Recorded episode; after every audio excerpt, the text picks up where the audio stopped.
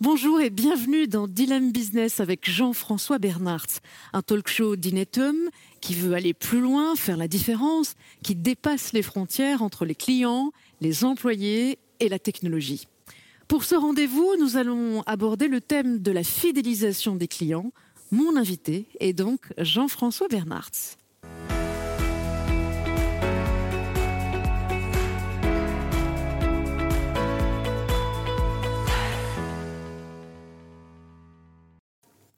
Les dilemmes font partie de la vie. Quand le feu passe à l'orange, vous accélérez ou vous freinez? Le choix est-il toujours aussi simple?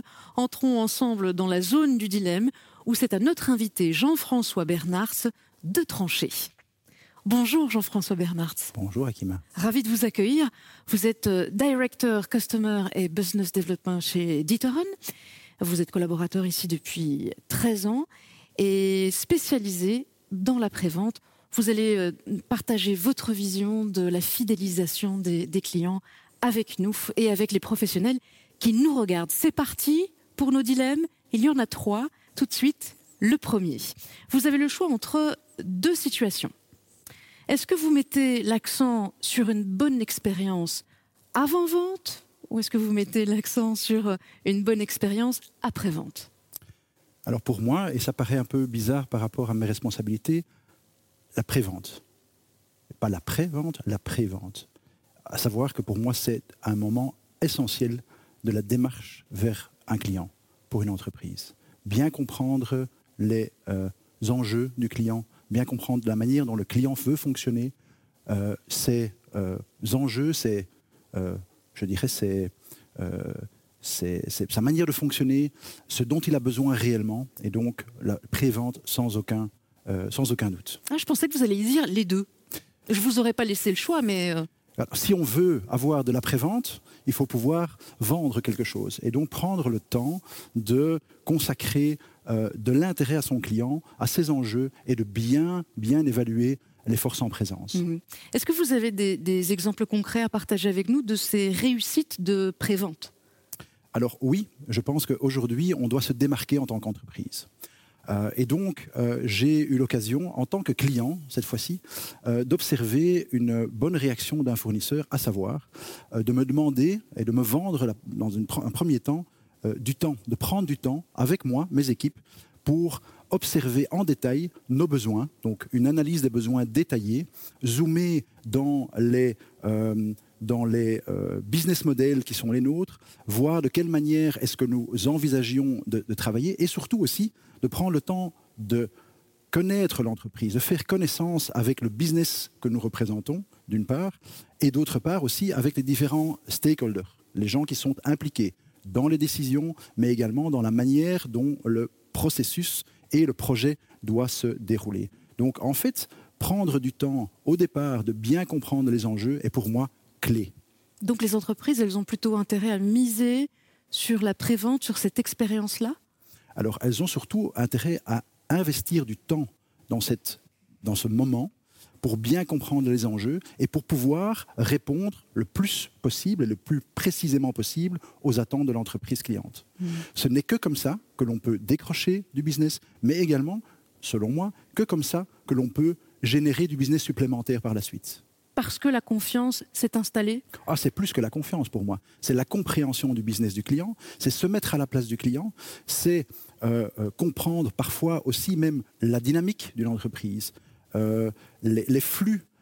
les rôles et responsabilités, j'en parlais tout à l'heure, mais ça c'est clé également, c'est de comprendre qui sont les différentes personnes qui prennent les décisions dans une entreprise. Le mode de fonctionnement de l'entreprise, bien la comprendre, c'est vraiment clé. Est-ce que vous trouvez, est-ce que vous pensez, en tout cas, vous estimez que hum, l'importance hum, du service pré-vente et après-vente euh, est sous-estimée dans ce business, dans le business commercial? Oui, en général, on veut aller vite. Euh, en tant que commercial, on a beaucoup de demandes de, beaucoup de clients, euh, de beaucoup de natures différentes. et je pense qu'il faut choisir ses combats.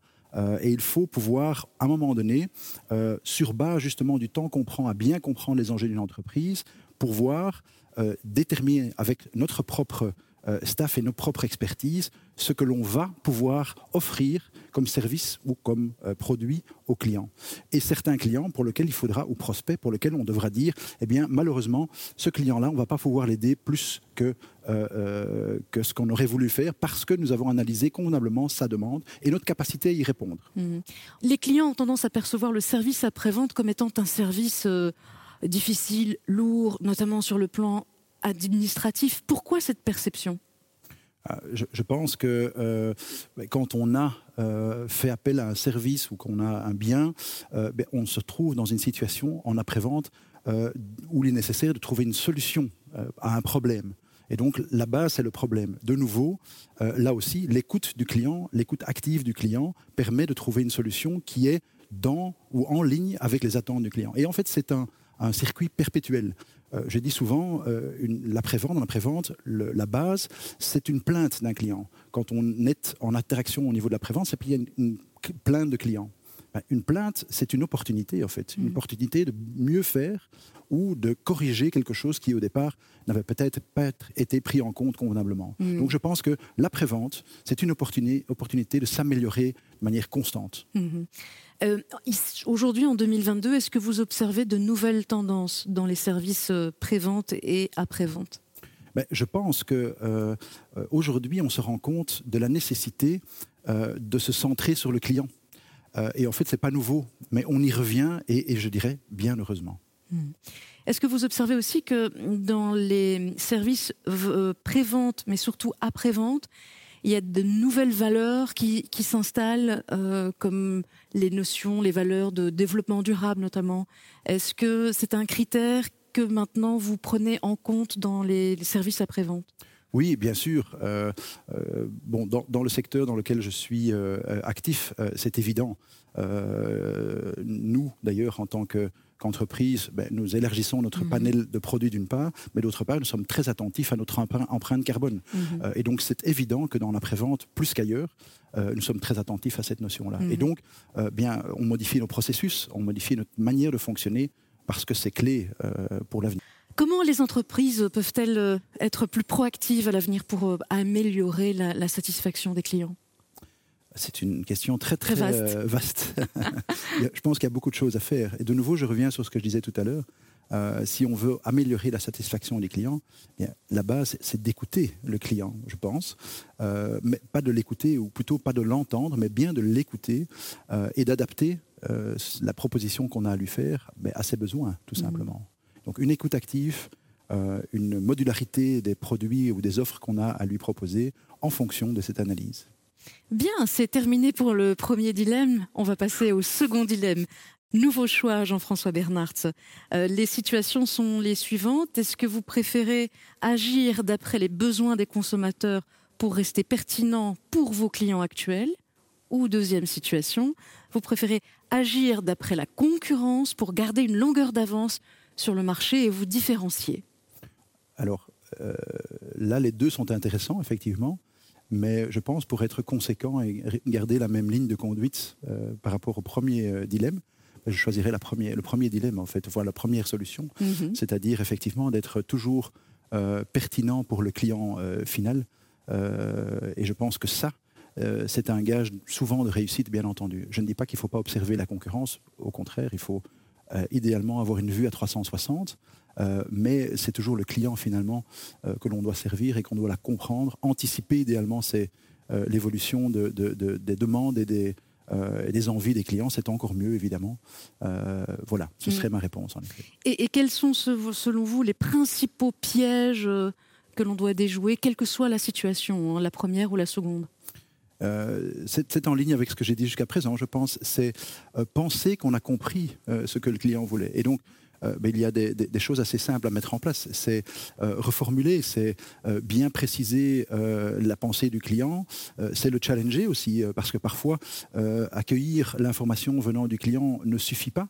Et, je pense qu'on peut parfois, en tant que spécialiste, se positionner en posant des questions, bien entendu, comme je l'ai dit, en allant chercher l'information au sein de l'entreprise avec laquelle on est en contact, mais aussi apporter des, une, autre lumière, une autre vision des choses avec peut-être un challenge euh, à la clé pour le client en question, en, le questionnant, en disant tiens, est-ce que vous avez pensé à d'autres manières d'approcher la problématique qui est la vôtre? Donc ça, c'est aussi pour moi un élément très important et avec lequel, pour le deuxième challenge, on peut se démarquer de la concurrence d'ailleurs. Mhm.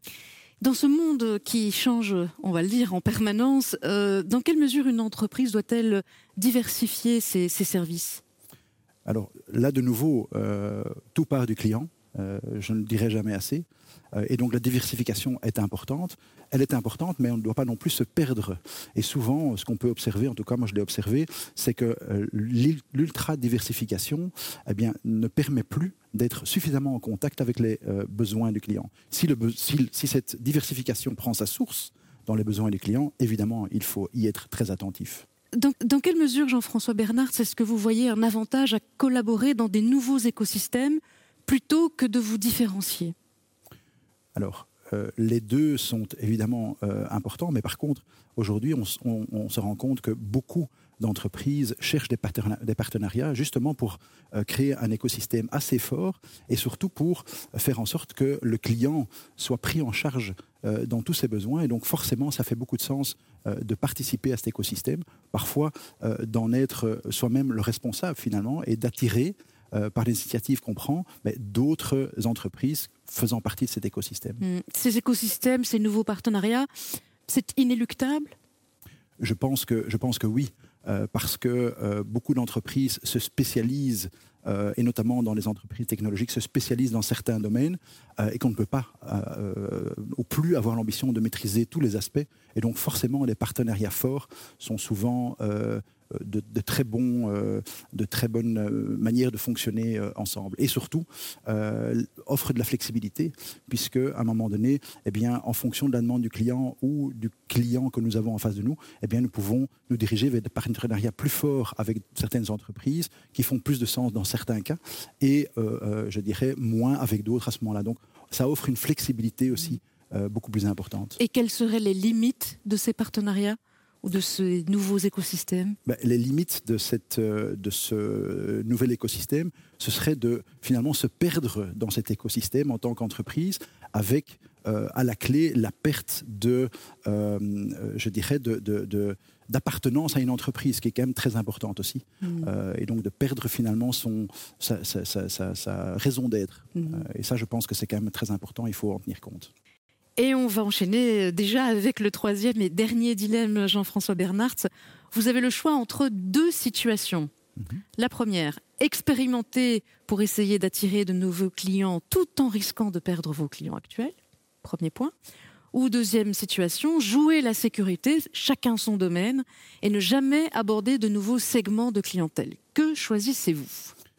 Je choisis la, première, euh, la première hypothèse en challengeant cette hypothèse parce que je, pense qu'on peut très bien tester de nouvelles choses tout en ayant euh, encore euh, une activité intense avec les clients actuels et au contraire ce qu'on va expérimenter, eh bien, ça pourra bénéficier aux clients que nous avons en portefeuille. Et comme je le dis souvent d'ailleurs, quand on se place d'un point de vue euh, gestion de portefeuille de clientèle, il faut tout le temps remettre en cause euh, le partenariat qu'on a avec le client. Donc il faut toujours se poser la question de savoir qu'est-ce qui évolue chez notre client, qu'est-ce qui change. Et donc le client est toujours un prospect pour moi, éternellement.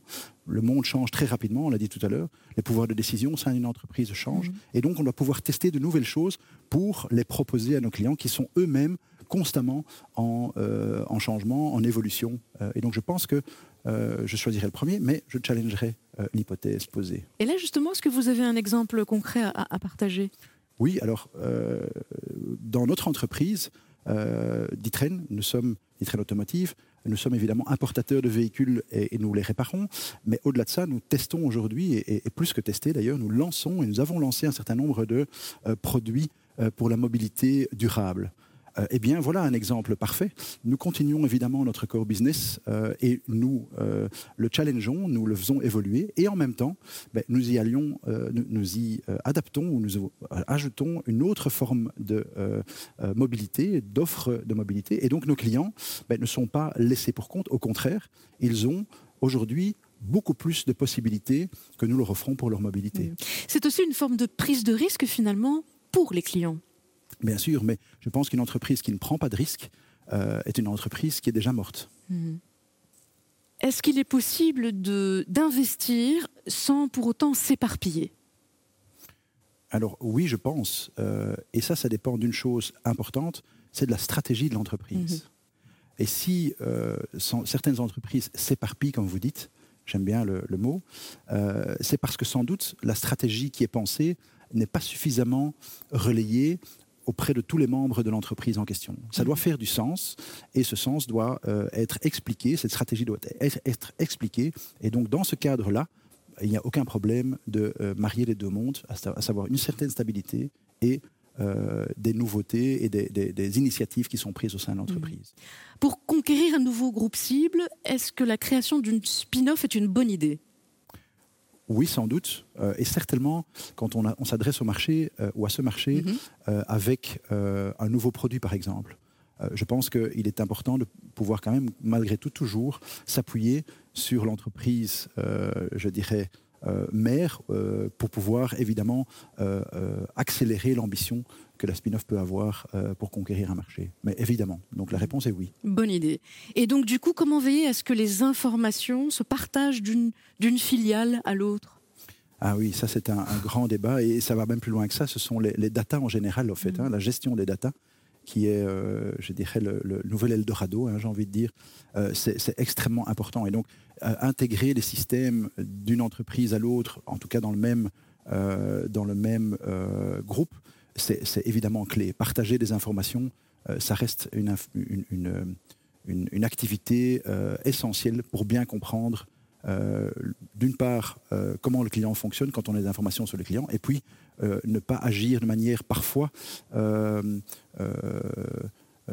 contradictoire au sein de la même entreprise pour un client final. Hmm. Et, qu'est-ce qui prend le plus de temps finalement et le plus d'énergie aussi? Est-ce que c'est la fidélisation des clients ou c'est plutôt la chasse de nouveaux clients? Pour moi, et, ce c'est pas moi qui le, qui le dis, c'est effectivement euh, beaucoup plus euh, énergivore d'aller conquérir un nouveau marché que de maintenir ses clients euh, fidèles. mais je pense que pour fidéliser ses clients, eh bien, il faut toujours avoir à l'esprit, comme je l'ai dit tout à l'heure, cet esprit de conquête pour le client qui est malgré tout déjà en portefeuille. Je veux dire par là que souvent on perd des clients parce qu'on ne s'en est même pas rendu compte et parce mmh. qu'on n'est plus suffisamment alerte et attentif à ses besoins. Donc, je dirais, ma recommandation là-dedans, c'est de toujours considérer un client comme euh, jamais acquis. Hmm. Jean-François Bernard, est-ce qu'il y a un sujet que vous souhaitez aborder, un thème que nous n'avons pas eu l'occasion d'aborder ensemble? On l'a abordé, mais je voudrais le développer. Mhm. Euh, il s'agit du, du, temps nécessaire oui. Euh, lorsqu'on aborde un, nouveau client, à bien comprendre le fonctionnement euh, du client en question, euh, de bien s'imprégner d'une part de son métier, d'autre part de bien se rendre compte qui prend quelle décision au sein de cette entreprise, afin d'être pertinent dans une offre potentiellement que nous devons remettre à ce client pour trouver une solution à son besoin. Et donc, en fait, prendre du temps dans cette phase est pour moi crucial. C'est d'ailleurs pour moi aussi un élément important euh, au niveau du management qui suit une équipe euh, commerciale, euh, d'avoir cela en tête au niveau des indicateurs de performance, à savoir de pouvoir à tout moment se rendre compte de ces éléments-là. Est-ce que nous connaissons notre client? Est-ce que nous savons qui prend les décisions au sein de l'entreprise cliente?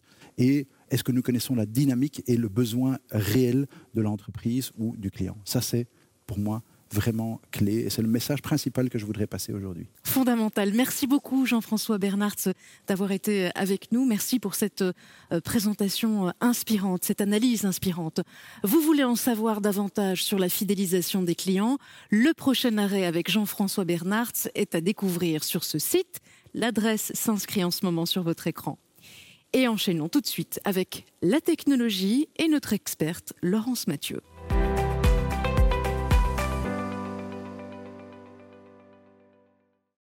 Poursuivons notre voyage consacré à la fidélisation des clients avec euh, une spécificité, la technologie en constante évolution. C'est ce qui nous permet d'avancer ensemble dans un positif digital flow.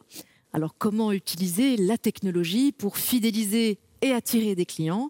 Ces questions, nous les abordons avec Laurence Mathieu, Chief Operations Officer d'Inetum Belgique. Bonjour Laurence Mathieu. Bonjour Akima. Merci d'être avec nous. Je vous en prie. Alors, comment la technologie peut-elle faciliter euh, la fidélisation des clients?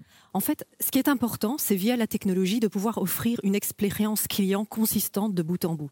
Consistante et satisfaisante par rapport aux besoins individuels des clients. Donc, en fait, ce qui est clé, c'est d'utiliser les données, les données historiques de navigation ou d'achat euh, des clients, justement, pour pouvoir leur proposer un catalogue personnalisé. Est-ce que vous pouvez nous donner des exemples concrets? Tout à fait. Via la technologie, à l'heure actuelle, nous pouvons donner à nos clients l'expérience d'une vitrine virtuelle énorme. Cela via des sites web, via des applications smartphone, via les réseaux sociaux. Et donc, dans un premier temps, L'important, c'est la consistance de l'image de l'entreprise et des produits ou des services qu'elle propose via ces différents canaux. Dans cette technologie qu'on appelle omnichannel, ce qui est également important en fait, c'est de vraiment pouvoir comprendre ce qui intéresse nos différents clients pour leur donner une expérience de vente, une expérience d'achat personnalisée. Donc si typiquement euh, sur un site de vente en ligne, vous avez l'habitude d'acheter des livres, on peut peut-être justement, sur base des données que vous laissez, analyser votre comportement et vous proposer par la suite euh, les livres qui vous conviennent. Mhm. Donc data, enjeu fondamental. Data, enjeu fondamental.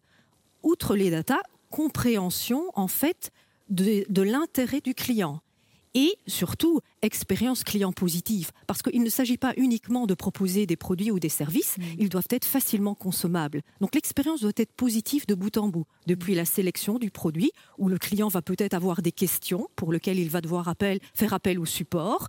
Donc typiquement des listes de questions fréquentes, des chatbots peuvent aider justement à expliquer certaines choses, à expliquer l'utilité de différents produits ou services.